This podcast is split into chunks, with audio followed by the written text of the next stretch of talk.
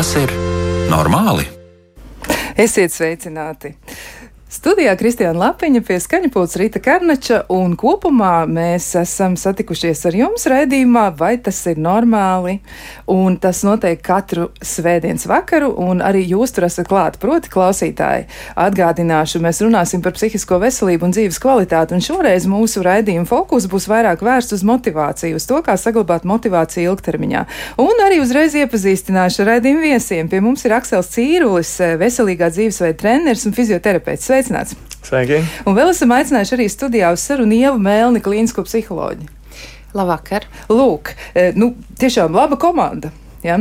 Bet es gribētu sākt ar kādu stāstu, un stāsts ir ar nu, tādām varbūt nedaudz traģiskām niansēm, bet tomēr būtu vērtīgi mums šo to uzzināt. Un proti, tā tad ir 2017. gads.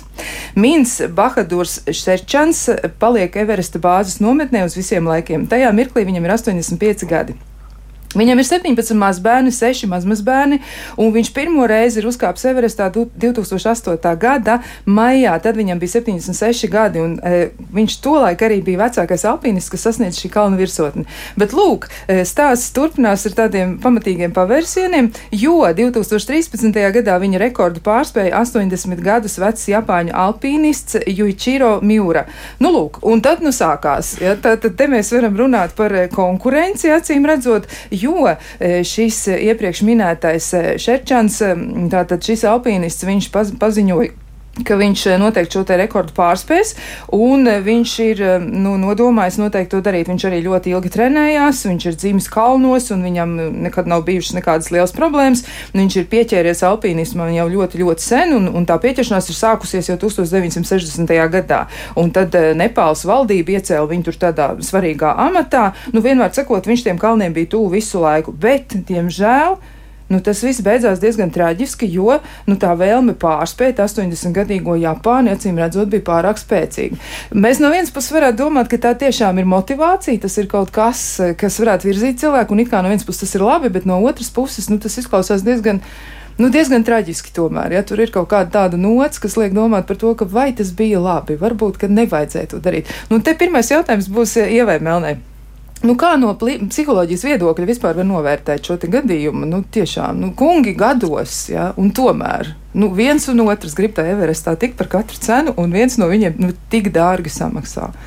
Nu, es domāju, ka tā noteikti ir uh, motivācija, tā ir mērķtiecība, ir, uh, tā ir vēlēšanās tikt uz priekšu, virzīties uz priekšu, un, lai virzītos uz priekšu vai kaut kādu rīcību, Tā ir kaut kāda uzvedība, un līdz ar to gan jau, ka viņiem bija arī vajadzība to izdarīt, tikai jautājums, ko viņi no tā iegūst.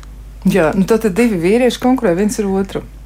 Aksel, kā ir par citām lietām runājot, vai tur arī varētu būt kaut kur iesaistīta konkurence? Un, ja mēs, piemēram, minam, nu, kā piemēru, mēs, mēs ļoti bieži minam arī sportu, jā, vai teiksim, tādas fiziskās aktivitātes, vai tur arī ir šis elements?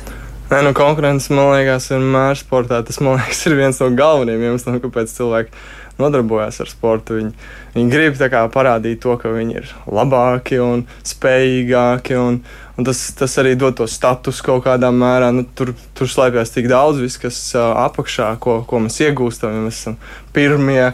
Un, uh, tas, tas noteikti ir nemitīgi redzams. Un es arī strādāju ar saviem klientiem, konstanti dzirdu to vēlmi man vajag kādu, ar ko sacensties. Man gribās, ka uh, re, ir citi cilvēki blakus, kuri dara, un tad mēs skatāmies, kurš var labāk, kurš var, nu, kā, kurš var mazāk. Un tad ir visu laiku tā vēlme. Tas, laikam, jā, patiešām ir pilnīgi dabīgi tāds, tāds veids, kā mēs gūstam to motivāciju. Bet kā vispār ir mūsdienu sabiedrību raugoties uz eh, motivāciju kā tādu? Jo mēs arī zinām, ka ir ļoti daudz dažādas teorijas, kas par to runā, un tur katrs autors ir izdomājis to savu versiju, kā, kā šīs lietas mums izstāstīt. Bet kā vispār sabiedrībā tas eh, notiek? Ko jūs novērojat? Varbūt gan viens, gan otrs eh, arī savā profesionālajā darbībā. Nu, kā tur ir ar šo konkurenci? Tiešām mēs tik ļoti gribam salīdzināties.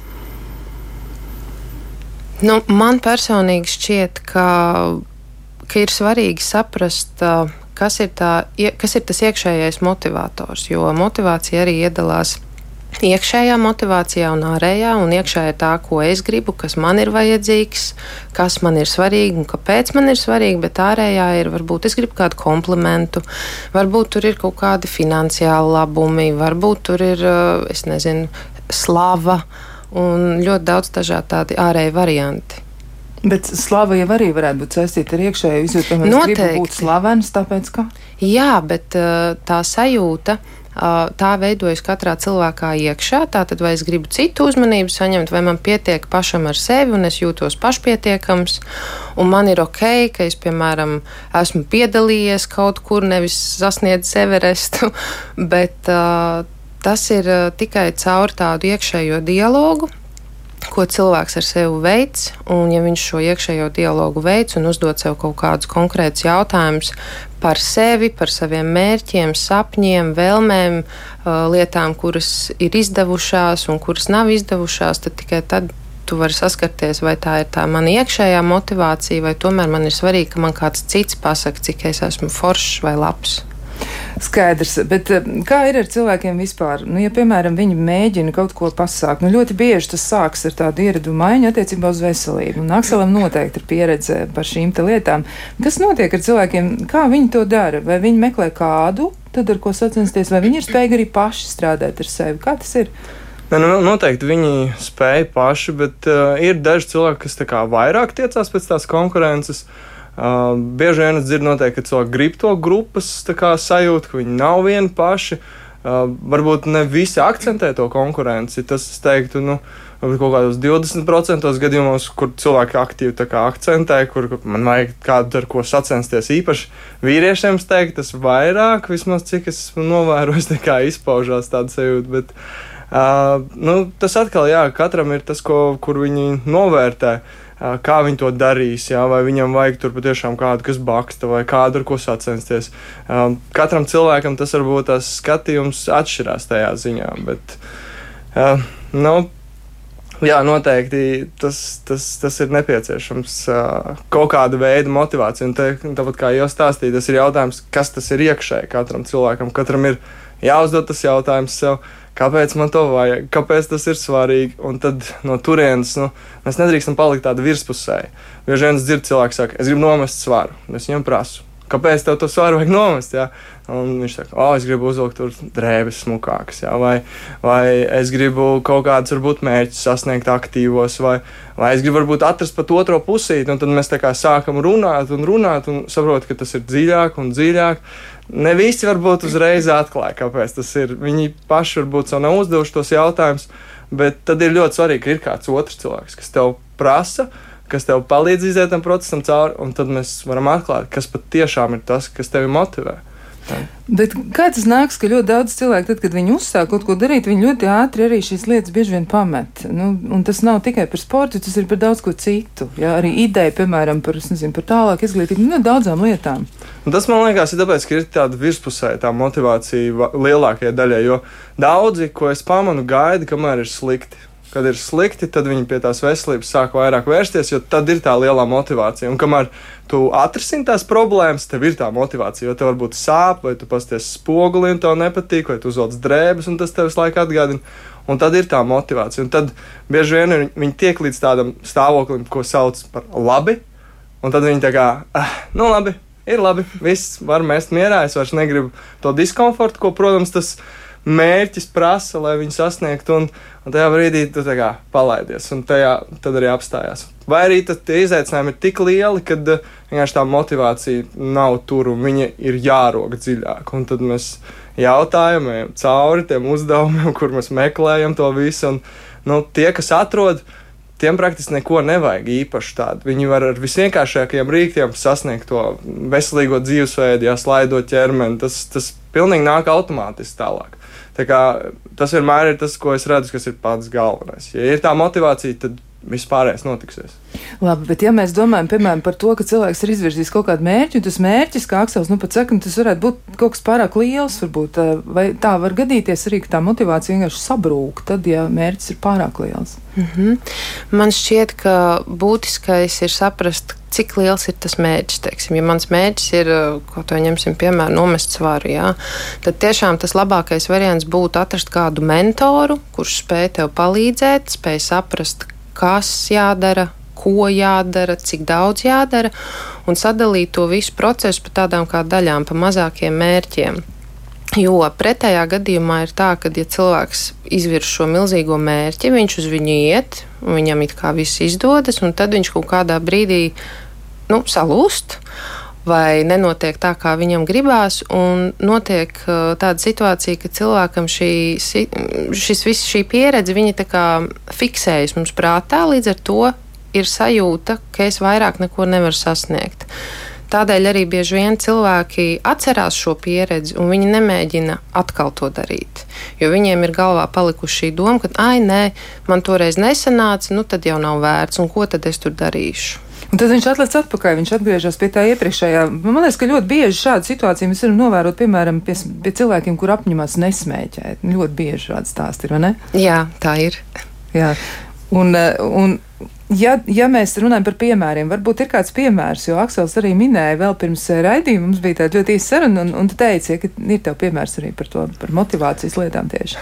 Nu, jā, konkrēti manam paš, man pašam vienkārši no savas dzīves, kur uh, bija tā, ka es biju izlēmis, uh, senāk novembrī, man liekas, es jau sāku iet ārā uh, tikai šortos.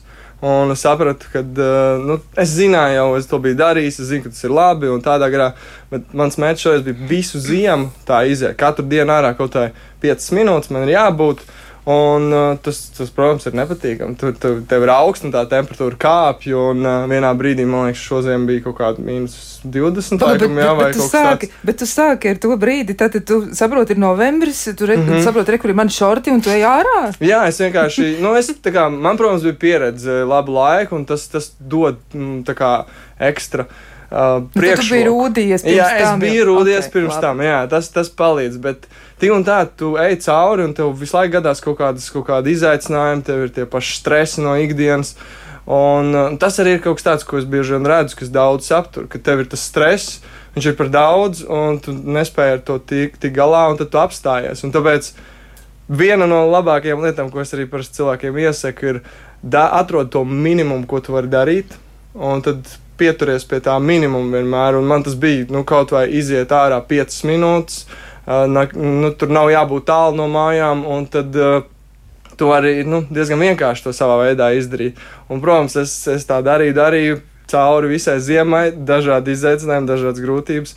Un pie tam pašas beigas bija visinteresantākais, kur es nonāku situācijā, ka es saslimstu ar covid.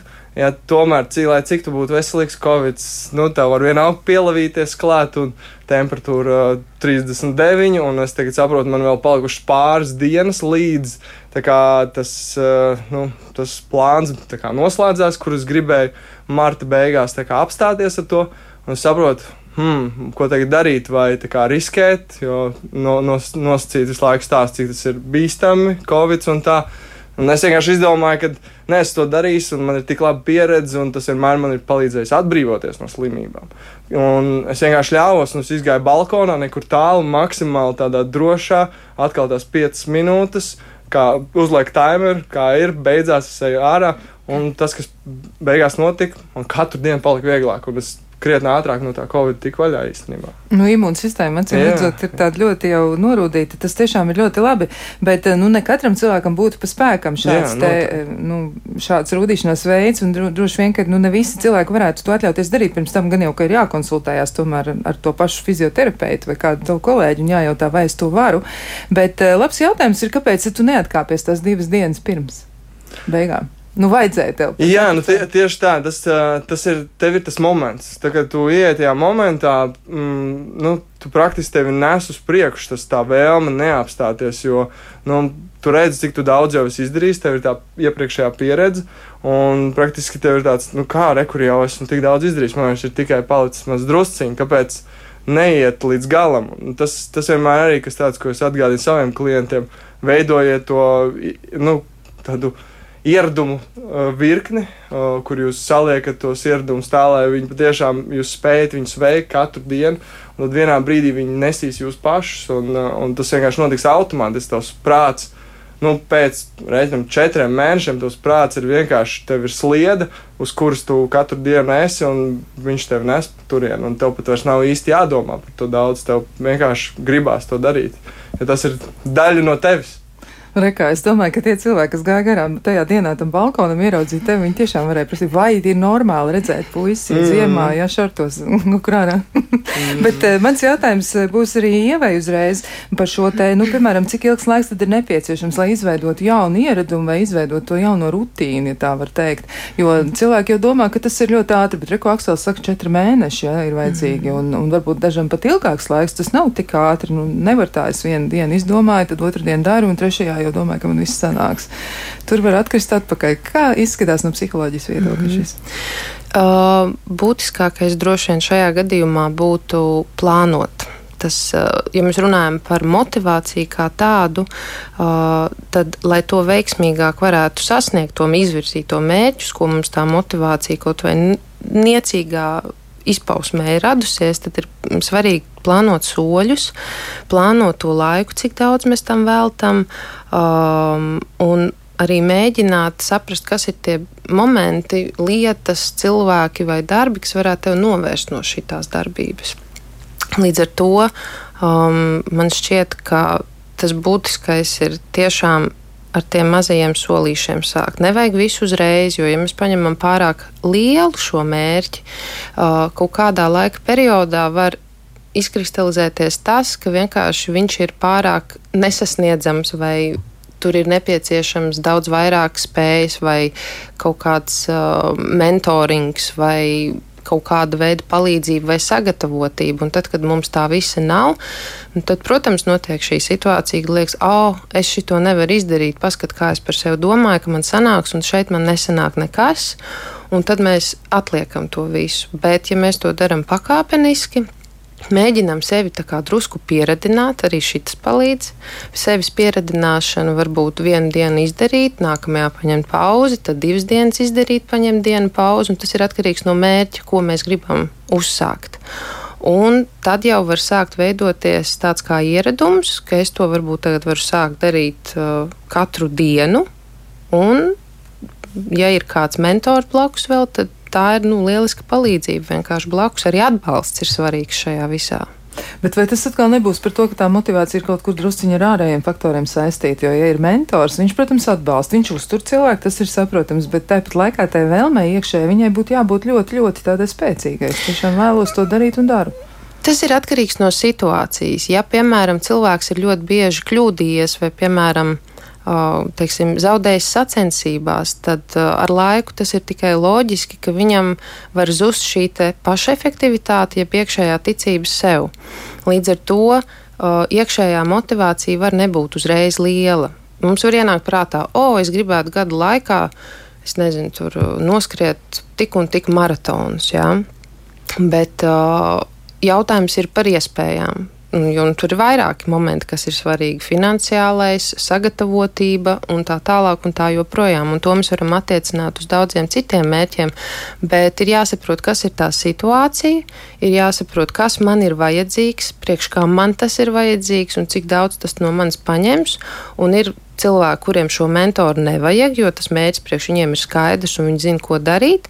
Savukārt ir cilvēki, kuriem ir vieglāk vienkārši sev virzīt uz priekšu, tad, ja viņiem ir šis atbalsta personāls savējais, vai ģimene, draugi, vai varbūt tiešām kāds uh, psihoterapeits, vai fizioterapeits, vai, vai, vai kāds cits cilvēks.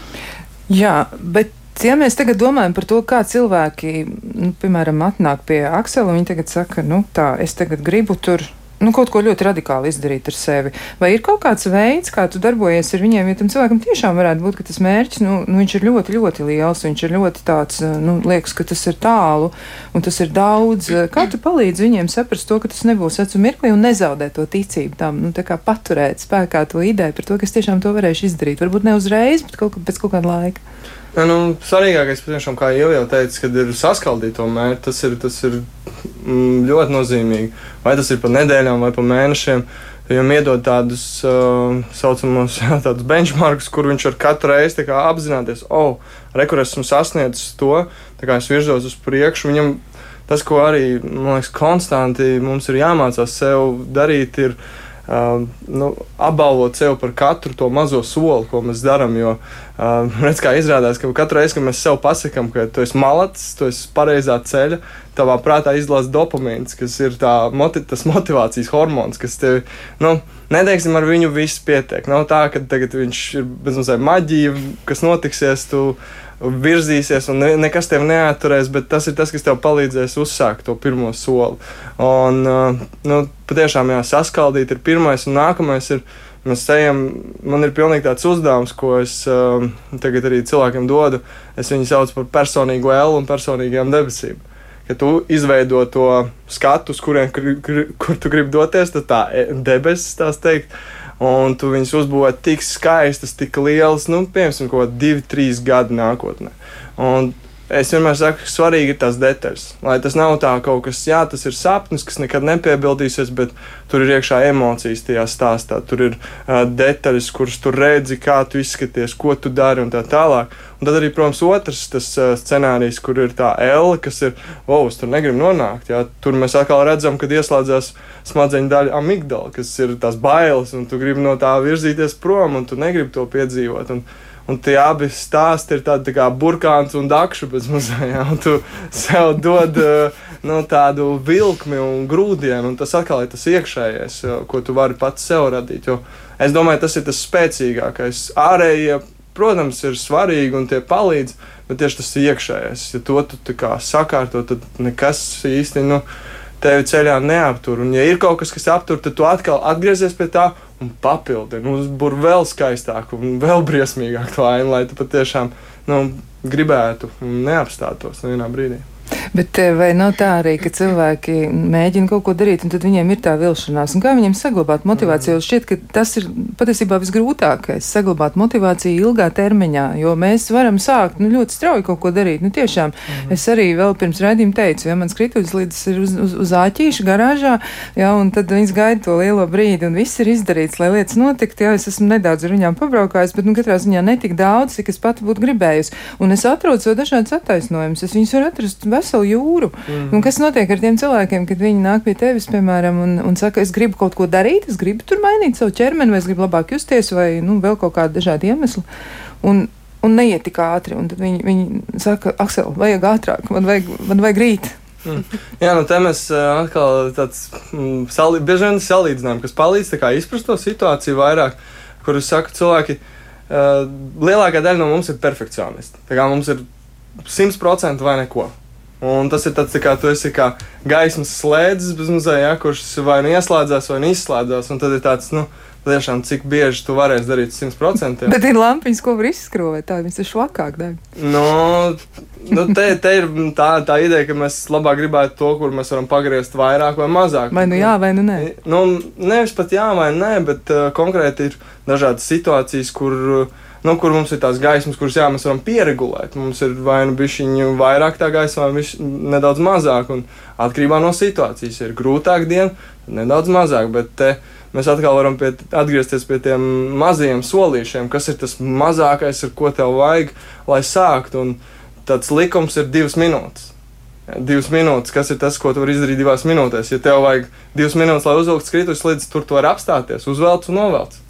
Un tas ir tas pirmais solis. Nu, ja jau ir uzvilkts, ko tu vairs vilksi? Tieši tā, tieši tā. Ja jau uzvilkt, tad viss. tas grūtākais ir izdarīts. Pirmais solis ir spērts. Jā, bet par tiem apbalvojumiem un mm -hmm. pozitīvo pastiprinājumu varbūt arī tur var eh, kaut ko piebast no psihologa puses, eh, skatoties, kā tas ir, jo tas tiešām strādā. Jā, tas tiešām strādā, un šis pozitīvais pastiprinājums, ja pozitīvais apbalvojums, viņš ļauj mums sajust to saņemt to sajūtu par to, ka es esmu kaut ko paveicis, bet, lai mēs šo sajūtu arī pilnvērtīgi varētu izjust, manuprāt, ir būtiski, ka mēs arī pieņemam to, ka es šobrīd izdarīju vislabāko, ko es varēju. Jo tieši tā kā Aksels arī teica, ja es tagad sākšu kaut ko darīt, un, un, un es vēl esmu perfekcionists, un man tagad vajag šeit un tagad un vakar vajadzēja, tad, tad ir ļoti grūti kaut ko realizēt. Un tad, kad mēs to sasniedzam mērķi, mums varbūt viņš liekas vairs, vairs nav tik nozīmīgs. Tāpēc, ka tā patērētā enerģija ir bijusi daudz lielāka mm, nekā varbūt nekā tas, tas rezultāts, ja nevis nekā tā sajūta, ko mēs beigās saņemam, bet uh, pozitīvais pastiprinājums mums dod šo sajūtu, ka es esmu izdarījis kaut ko sev labu, uh, es esmu kaut ko sasniedzis, un tas dod un uztur šo motivāciju, lai mēs varam tālāk virzīties un sasniegt varbūt vēl augstākus mērķus. Jā, labi, labi. Nu, tad eh, mēs eh, tūlīt arī turpināsim, bet turpināsim mēs pēc īsa brīža.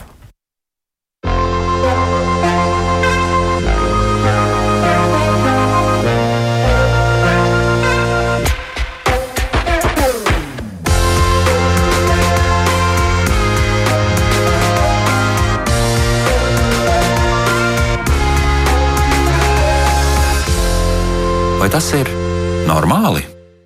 Šodien mēs jautājam, vai tas ir normāli, ka gribas kaut ko darīt un reizēm pietrūkst vai spēka vai apņēmības, vai tas ir normāli zaudēt motivāciju. Mm, atgādināšu arī par raidījumu viesiem. Pie mums ir Aksels Cīros, kurš ir fizioterapeits un veselīgā dzīvesveida treneris, un arī Ieva Melne, klīniskā psiholoģe, kuri noteikti, nu, gan no savas pieredzes eh, jau ir papildinājuši šo stāstu, kuru mēs šovakar mēģinām izstāstīt, un arī noteikti teiks vēl kaut kādas lietas par savu personisko pieredzi arī uh, turpmāk. Starp citu, Ievai arī bija stāsts par motivāciju. Jā, man bija stāsts par motivāciju, un tas sākās šī gada jūnijā, tieši pirms Jāņiem.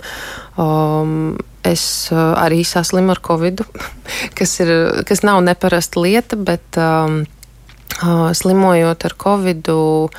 Nu, atklāti sakot, tas, ko varēja darīt, ir siltā laikā un, un ārā īpaši tu nekur apkārt staigāt nedrīksti.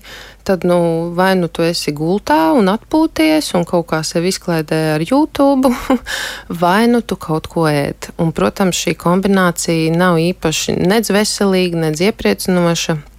Nu, varbūt uz mirkli ir tāda patīkama sajūta, ka tu sev apbalvo kaut ko garšīgu.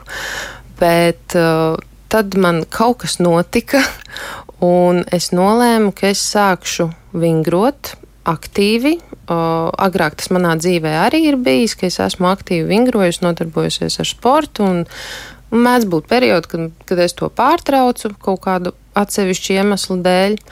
Un es nolēmu, ka nē, es sākšu vingrot, es atsākšu skriet. Uh, es atsākšu kardio treniņus, un es to sāku darīt uh, slimošanas laikā. Mājās izklāju istabā tepiķītu uz grīdas, un viss sākās. Un es to visu sāku darīt, un es to daru līdz pat šim brīdim. Um, tā ir tāda jauka pieredze, un kas man motivēja? Mani motivēja tā sajūta, ka es atcerējos, kā es jūtos pēc tam, tad, kad es izdaru to. Kāda man ir uh, fiziskā labsajūta, kāds man ir noskaņojums, kad man ir vairāk enerģijas. Un, un, un ir te, šis kopējais noskaņojums, garastāvoklis ir, ir labāks. Bet par vēl vienu pieredzi, ko es arī gribēju pieminēt, klausoties to, ko Aksels stāstīja pirms kāda brīža.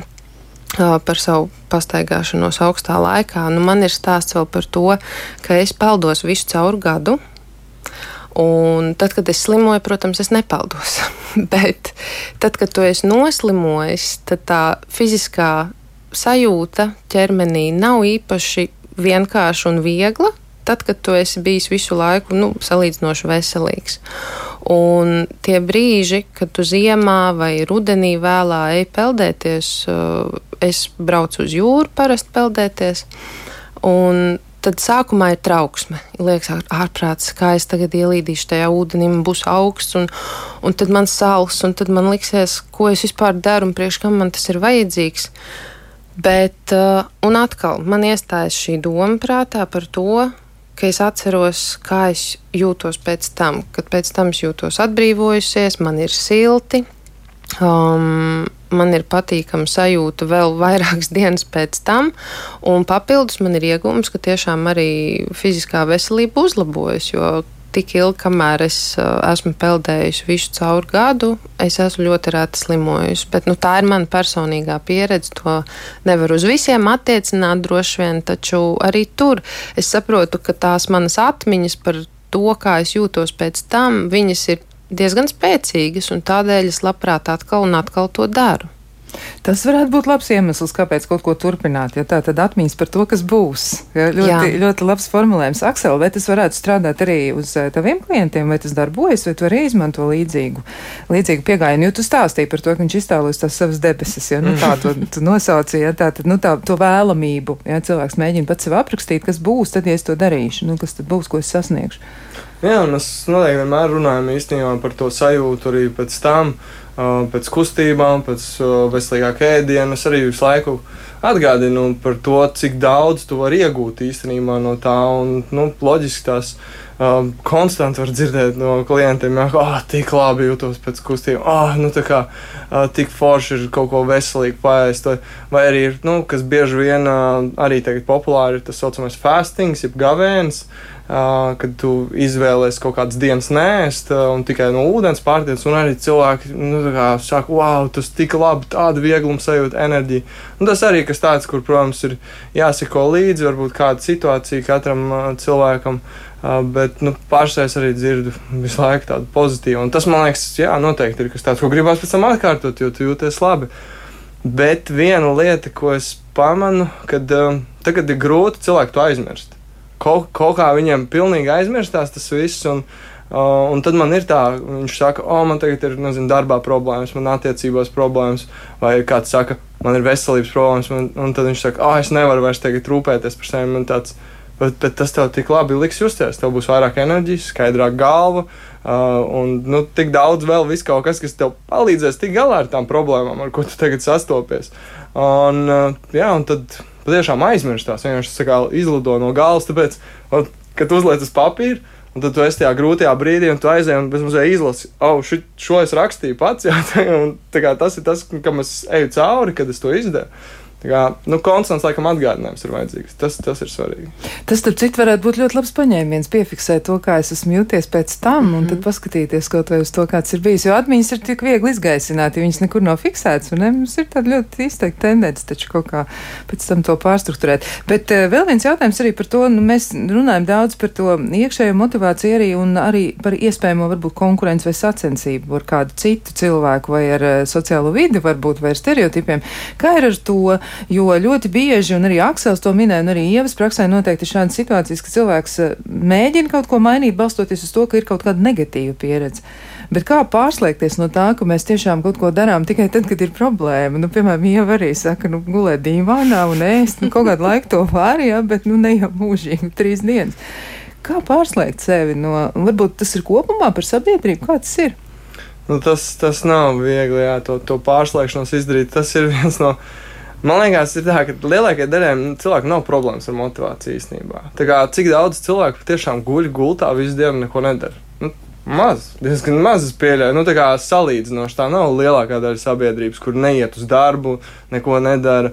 Un līdz ar to mums ir motivācija aiziet uz darbu, nopelnīt naudu, vai tur parūpēties par bērniem, vai nu, tādas vienkāršas vajadzības. Un, jā, cilvēki ļoti koncentrējas lielā mērā uz to negatīvo. Tas ir tas, ko es pamanīju. Viņi atdod visu savu motivāciju, meklējot tos iemeslus, kāpēc viņiem nesanāks, pietrūks laiks. Bērni traucē, vīrs traucē, sieva traucē. Un, nu, tā kā visu laiku tā enerģija tiek, visa tā motivācija aiziet to attaisnojumu meklējumos. Un tas, protams, ir kaut kas tāds, nu, jā, kur varbūt mums sabiedrībā, skolās par kaut kādu par to ir jārunā, vai vienkārši ir vairāk par to jāsāk runāt. Un, un tas ir tāds, nu, tu cēl apziņu vienkārši par to, kur aiziet viss tava enerģija, kur aiziet viss tavs fokus. Un, nu, tas ir īstenībā, es teiktu, tas ir pats svarīgākais arī veselīgajā dzīvesveidā. Nevis uzturs, nevis kustības, nevis vispārējais, bet kur aiziet tavs fokus tīri nu, tajā motivācijā, vai tu meklē iemeslus, kāpēc nedarīt, vai tu meklē iemeslus, kāpēc tu varētu darīt un kā tu to varētu darīt. Tad, tad es varu būt motivēts darīt un motivēts nedarīt. Mm -hmm. Droši vien tā var arī būt. Man šķiet, ka šajā gadījumā mm, ir svarīgi, ka cilvēks uh, pieņem to, ka man, man kaut kas var nesanākt, un tajā pašā laikā uh, vēl gribas to nokomentēt, to daļu par to, kāpēc mēs atceramies to negatīvo, tāpēc, ka to ir vieglāk atcerēties, jo tur apakšā vienmēr ir ļoti spēcīgas emocijas, un tāpēc arī pirmī teicu, ja cilvēkam kaut kas neizdodas, tad viņš tā kā piefiksē to, un it īpaši, ja tas ir bijis tik super milzīgs mērķis, un man nav izdevies, un tas sāk saistīties ar negatīvām sajūtām, emocijām un domām, tad priekš kā man mēģināt to darīt vēlreiz. Protams, ir jāskatās, kādas ir uh, situācijas, jo ir cilvēki, kas tiešām kaut kādā veidā vai fiziski vai emocionāli traumatizējas no kaut kā, un tas ir tikai loģiski, ka viņiem būs bailes atsākt kaut ko darīt vai mēģināt no jauna, bet tajā pašā laikā, lai tu virzītos uz priekšu, cilvēkam ir jāmācās būt drusku atvērtākam nekā viņš ir. Nevis palikt pie tā, ka nē, es vienreiz pamēģināju, man nepatika, es vairs negribu šo darīt.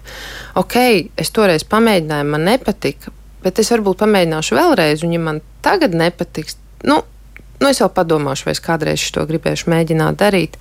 Līdz ar to man, man liekas, ka tā atvērtība kaut kam jaunam, atvērtība tam, ka mēs uh, nepaliekam savos prāta rāmjos, ka mēs drusku atļaujam sev mm, pamēģināt kaut ko jaunu un atcerēties tās labās sajūtas. Tas noteikti var nākt par labu, bet tas, ka mēs fokusējamies uz negatīvo, jo tas ir vieglāk, jo tas ir visspēcīgākais, kas mūsu atmiņās paliek. Un, un ja es tagad pajautātu jums kādu jautājumu, kas, kas satur negatīvas emocijas, tas vienkārši būtu kā klikšķis vienkārši, un tas jums ienāk prātā. Tāpēc, kad neskatoties, vai tas bija pirms desmit gadiem, vai tas bija vakar, jo tas bija tik spēcīgi, tāpēc arī ir grūti to visu pārvarēt. Bet, um, ja mēs mēģinām um, tam cilvēkam atgādināt, jā, kā tu jūties toreiz, kad tu izdarīji to, vai tu nopeldējies, vai tu izstaigājies, vai tu uzkāpi tajā Everestā, cik tu forši jūties. Un, protams, arī ja cilvēks var Mm, šo vizualizāciju veidot par to, kā viņš jutīsies, ko ļoti bieži ļoti daudz gan mākslinieki, gan, gan nemākslinieki, cilvēki vienkārši mēģina iztēloties, kā es jutīšos tad, kad es, piemēram, nokārtošu to eksāmenu, un ko es darīšu, un kādu kūku es nopirkšu, vai kā, uz kādu filmu es aiziešu. Tas palīdz, tas uzreiz arī drusku um, atver vaļā to iekšējo motivāciju, to vēlmi virzīties, pamēģināt, uzzināt tādu ieinteresētību. Labi, tas ir arī ļoti labs efekts, bet eh, ja mēs tagad domājam, piemēram, par pašvērtējumu, nu, noteikti ir arī cilvēki, kas iet, nu, atkal, ja mēs izmantojam kā ilustrāciju tieši šos sporta treniņus, viņi eh, ir gatavi kaut ko darīt, bet viņiem ir tā, nu, tā kā gribas un vienlaiks ir bail. Nu, piemēram, iet uz sporta zāli, ja, vai uz trenažieru zāli, un tur ir vesels bars ar ārkārtīgi daļiem cilvēkiem. Viņi ir tik daudz jau ko paveikuši ar sevi. Un kā nu es tur tagad tāds ieiešu, ja, kā es ar to tikšu galā? Nu, kā sabalansēt šīs lietas, ka es vēlos kaut ko darīt, un man ir bail no tiem citiem cilvēkiem kaut kādā nozīmē. Nē, nu, nu, laikam, ja mēs ejam uz sporta zāli, tad mēs noteikti gribam kādu, kas mūs tur pavada pēc iespējas. Tas, tas varbūt ir draugs kā minimums, nu, ideāli tas ir treneris noteikti. Uh, bet īstenībā es gribētu teikt, ka nav jāiet uz sporta zāli. Tas nav nekas tāds, ko patiešām vajadzētu. Visu var izdarīt mājās, mierīgi, var iet pastaigās. Īstenībā tas arī mm, bieži vien tās kust, mm, kustības ir kas tāds, nu, kur mēs esam uzlikuši tie, tik lielu uzsvaru. Varbūt tam, tas var būt elementāri sākumā. Nav nekas jāsarežģīja, bet nu, jā, tā lieta ir par to perfekcionismu. Es gribēju īstenībā pies, pieskarties vairāk, man liekas, tas jautājums vispār, kas ir perfekcionisms, no kurienes tas nāk, tas perfekcionisms. Un cik man lielā mērā līdz šim brīdim sanāca saprast, tas ir, tās ir bailes.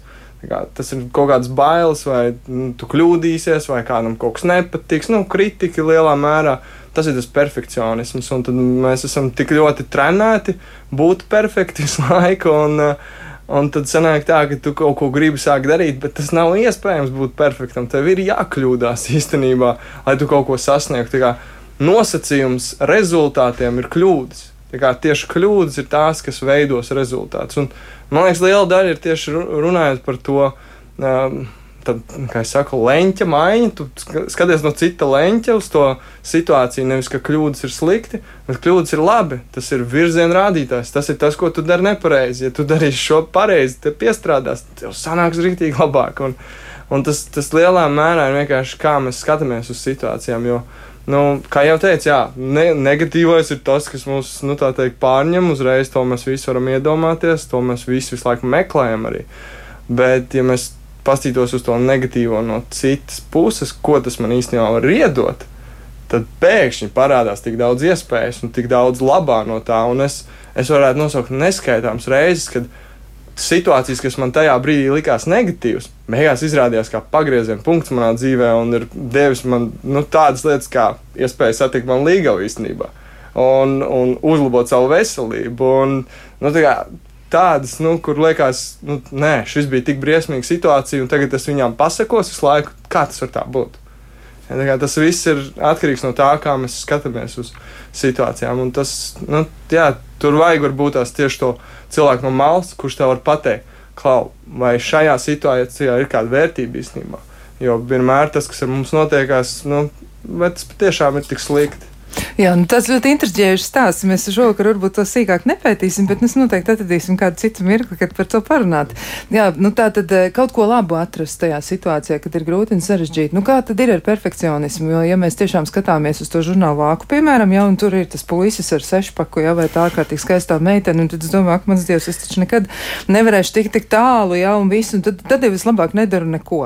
Nu kā tad ir perfekcionisms un motīvs vai motivācijas intensitāte? Kā mhm. tas kopā var tikt salikts?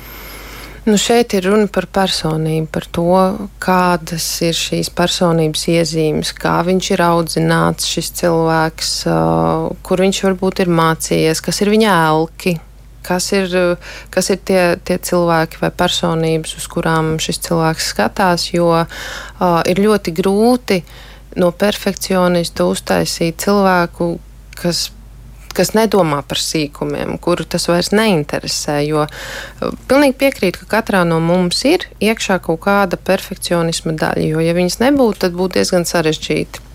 Uh, bet, ja perfekcionisms ir par daudz, un tas atkal var vest uz kaut, kādu, uz kaut kādām citām pieredzēm, kas varbūt nav gluži veselīgas priekš cilvēka. Bet, uh, manuprāt, atkal gribās teikt šo vārdu sevis pieņemšana par to, ka jā, ka man ir svarīgi būt pirmajam.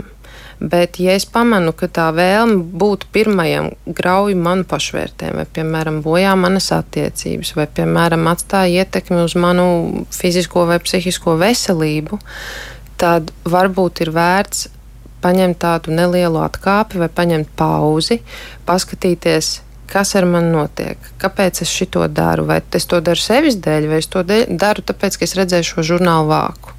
Vai es to daru tāpēc, lai smuki izskatītos kādā sociālā tīklā, lai man būtu komplimenti, vai es to tomēr daru tāpēc, ka vienkārši darot, piemēram, fiziskās, veicot fiziskās aktivitātes, es esmu veselīgāks, es jūtos veselīgāk, un te ir nevis par to, ka citi man pateiks, ka es esmu tik veselīga, bet par to, ka es apzinos, ka tās darbības ved uz to, lai es būtu veselīgs ķermenī, fiziski un psihiski. Un līdz ar to o, kopumā tā sajūta ir. Kā pa, papildus es vienkārši vēl iegūstu citus bonusus, varbūt ir es labāk izskatos, uh, es varu uzvilkt šīs smukās drēbes, um, man ir sešpaka un tā tālāk un tā joprojām. Bet noteikti šajā gadījumā ir vērts pirmām kārtām saprast, uh, cik man tas ir svarīgi, ko es varu darīt tagad, un iespējams man ir nepieciešams kāds profesionāls atbalsts. Arī tas noteikti ir jāizmanto, bet kā ir ar motivāciju? Nu, ir arī tādi. Nu, tāds pieņēmums ja, par motivāciju, un mēs zinām, ka tiešām tā notiek. Ir tādas labās dienas un netik labās dienas. Nu, tad, tāds paisums un bēgums motivācijai. Kā mēs to varam izmantot? Man liekas, jāapzinās uzreiz, ir, ka kā, motivācija nav tā, kas tā kā, aizved līdz rezultātam. Tas ir, man liekas, numur viens. Kā, motivācija ir kā dzirkstelīte. Tā ir tā, kas piešķir to visu. Tas viss sākās, tev tas pirmais solis, tev gribās tagad. Tas ir tas, bet īstenībā tas, kas aizved līdz rezultātiem, ir dis disciplīna. Disciplīna būs vienmēr tā, tā svarīgākā, jo Motivācija nāk un iet, tas tā kā emocijas nāk un iet visu laiku. Nē, es visu laiku laimīgs. Vienā brīdī ir bēdas, vienā brīdī ir skumjas un tā tālāk. Tas ir normāli. Tāpat tās ar motivāciju. Viņi būs, viņi nebūs. Arī man cauri visam, visam tam ziemas, ziemas periodam bija dienas, kad nu, nebija motivācija. Un vēl jau vairāk pašā beigās tā bija pat ar tādu baiļu sajūtu. Ja. Un, uh, Un tas, tas ir tas, kur tā disciplīna nāk iekšā, ka tev ir vienkārši jādara. Un tas arī ir tas veids, kā mēs varam radīt to cieņu pret sevi. Tas, es teiktu, pat disciplīna ir pašcieņas forma, kur, uh, kur tu katru dienu izdari to lietu, vienalga cik liela, uh, bet tu viņu izdari un tu vari sev pateikt, malacis, esmu uz pareizā ceļa, es daru, man sanāk, wow, tā kā ja es turpināšu, es sasniegšu to mērķi. Ja es vienkārši nepadošos, es sasniegšu to mērķi. Un jā, būs kaut kādas dienas, kad tieši tā motivācijas nav. Kaut kas varbūt nesanāk, bet nekas. Tu nākošajā dienā uzreiz ķeries klāt un atkal turpini. Un, nu, tas ir tas, kur mēs negaidām motivāciju īstenībā, jo mēs tieši nesen ar manu mentoru runājām par to, ka motivācija arī kaut kādā veidā ir, nu, tas, tas, mēs meklējam to vieglāko ceļu vienmēr. Mēs vienmēr meklējam vieglāko pretestību. Un tad, kad ir motivācija, ir viegli. Jā, tad, kad tu pamosties un zini, būs tur uh, tagad, uh, nu, klasiskākais piemērs visiem grūti no rīta piecelties. Un, uh, Bet kā, kā ir, ka tu zini, ka tu dosies ceļojumā? Tu esi pirmais augšā, tu esi vienkārši jau salstariņš un priecīgs un aiziet, es tā gribu uh, doties. Jā, ja tu zini, tev ir skaidrs mērķis, skaidrs, ko tu iegūsi tur. Un, uh, un kāpēc nevarētu tā būt katru dienu? Jā? Tas atkal ir vienkārši tas nāk un iet. Un tāpēc ir svarīgāk saprast to, ka uh, motivācija neaizdīs tevi līdz rezultātam, vienalga kāds tas ir. Tas, kas aizvedīs līdz rezultātam, būs katru dienu maza solīša disciplīna. Jā, Markam Tvenam esot tāds izteiciens, ka, ja tavs darbs ir ēst vārdas, jāsāk ar lielāko. Izskatās, ka te ir jādara otrādi. Ja tā tad, ja cilvēks nav neko darījis, jo īpaši tad, ja viņam nav šāda veida pieredze, viņš droši vien jāsaka tā mazajām vardītājiem, un tad sev jāuzslavē. Jā, es domāju, ka tā ir ļoti laba ideja. Un uh, man šķiet, ka arī ir svarīgi, ka cilvēks spēj vienoties ar sevi par to, ka, ja, piemēram, ir grūta diena bijusi un, un patiešām nav enerģijas vai, vai nav iespējas realizēt uh, to praksi, ko viņš varbūt ir uzsācis, tad vienoties ar sevi, ka, ok, man, piemēram, ir 20 minūtes, lai es kaut ko varētu no tā izdarīt un tad es mēģinu to izdarīt 20 minūtes. Ja mēs saprotam, ka nu, 20 minūtes nu, es nespēju, tas darbiņš pārāk liels, ok, nu, tad vienojies ar sevi, ka tu to šodien nedarīsi, bet rīt varbūt sāks agrāk to savu darbiņu. Un vēl viens tāds moments, kas man likās būtiski, uh, ka tieši nav motivācijas, manuprāt, ir ļoti forši, ka cilvēks tomēr iet un dara to, ko viņš gribēja darīt. Jo es zinu to sajūtu arī, kā tas ir, kad es negribu. Man ārā lietus līst, un mākoņu redzu, un vēl tur tūlīt būs pērkons, un vispār viss ir ļoti slikti. Bet uh, tu vienkārši pārkāp sev drusku pāri, jo pirmkārt tas, ko darīs, tev nekādā veidā nenodarīs fiziskas sāpes. Emocionāli nu, arī tu netiec nekā traumatizēts, un tu vienkārši ej un dari tās lietas. Kaut vai, teiksim, es pats sev bieži vien saku ar sakostiem zobiem, paņēmu un izgāju ārā un nostaigāju cik tur tos kilometrus. Jā. Nav tā, ka es ļoti gribu katru dienu to darīt. Bet tieši tad, kad es negribu, es, es zinu, ka tieši šī diena ir īstā, jo tas man palīdzēs drusku solīt uz priekšu virzīties. Un man šķiet, jā, tā sadalīšana, tā vienošanās ar sevi un varbūt drusku tā kā pārkāpt pāri savam tam nē, un mēģināt vienkārši dot sev iespēju. Tas tev palīdz arī tajā brīdī, kad saproti, ka āliņas atkal ir aplidojis tur. Jā, es reāli eju, es braucu, un cilvēki, kas man pavada, parasti skatās ar šausmām, bet es eju, es uzvelku cepuri un es eju. Un, protams, arī šajā periodā, kad es devos peldēties arī augstajā laikā, es ieguvu arī kaut kādas zināšanas, vairāk kā ir drusku vēl pareizāk elpot, kad tu ej augstā ūdenī un kā varbūt nevajag darīt. Un, un arī tās zināšanas man deva pārliecību par sevi, un es to izmēģināju, un es sapratu, ka man sanāk un ka viss ir ļoti labi. Tas, ka sanāk, tas laikam ir tas svarīgais, ka kaut kas, kaut maz drusciņi, bet tomēr jā. sanāk. Nu jā, mums tā saruna ir noteikti jāturpina par šīm lietām, jo izskatās, ka laika mums ir ļoti maz atlicis. Kas būtu jūsu novēlējums tiem cilvēkiem, kuri ir nolēmuši kaut ko darīt? Vai nu sākt sportot, vai tiešām atteikties no kāda ieraduma, vai varbūt vēl kaut kādas citas lietas darīt, vai, vai nezinu, kaut vai sākt remontu mājās. Ko jūs teiktu, kā jūs aicinātu viņus izveidot to motivāciju, atrast to āķīti? Un kā tad turpināt un nepazaudēt to dzirksti? Nu, pirmkārt, jau noteikti vispirms ir jāapsēžas, jāpadomā, kāpēc tev tas vajadzīgs. Tas ir kā numur viens. Ja tu nezini, kāpēc tev tas ir vajadzīgs, tad uh, tu arī nu, apstāsies tik līdz izsīks tā, tie iemesli. Un nākamais ir, tu noliec sev mērķi, bet arī to minimumu. Visu laiku tas minimums būs tas, kā kaut vai vienu procentu izdara, kaut vai vi, vienu minūtu izdara. Kas ir tas minimums? Un, kā, jā, ja tev kaut kāda grūtāka diena ir, ok, tu nedari to lielo, tu izdari to minimumu. Bet, tas nav par to, ka tu progresēsi tajā brīdī, bet ka tu saglabāsi to ieradumu.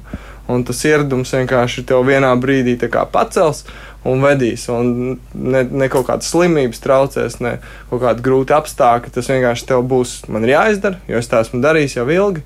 Un, nu, tāpēc eh, tas būtu tāds numur viens svarīgākais, kāpēc, un tad konkrēti kā tu to darīsi ar, ar šo minimumu, minimālo efektīvo. Kāpēc? Un tas maksimums un minimums, jā, jā. tā tad nu, vienkārši mēs ejam uz priekšu. Mm. Un Ieva, ko vēl tu teiksi?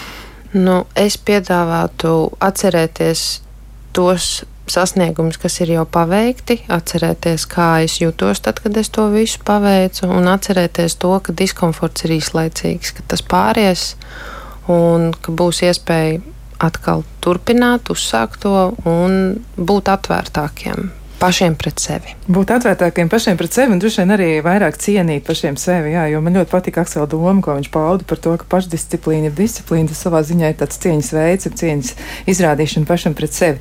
Jā, paldies gan Akselam Cīrulim, gan arī Ievai Melnei. Un klausītājiem atgādināšu arī, ka gan šo raidījumu atkārtojumu jūs varat noklausīties eh, jau nākamajā darba dienā, bet arī arhīvā varat pameklēt, ir arī citi raidījumi. Noteikti nepalaidiet garām, varat noklausīties arhīvu ierakstus un varat izmantot gan Latvijas. Latvijas sabiedrisko mēdīju mājaslapu, gan arī Latvijas radio mājaslapu. Un eh, mēs ar jums tiksimies atkal jau nākamajā reizē, un šajā brīdī saku jums labvakar, pie skaņa pūts bija Rīta Karnača, bet ar jums kopā bija Kristiāna Lapiņa. Lai jums jauks vakars!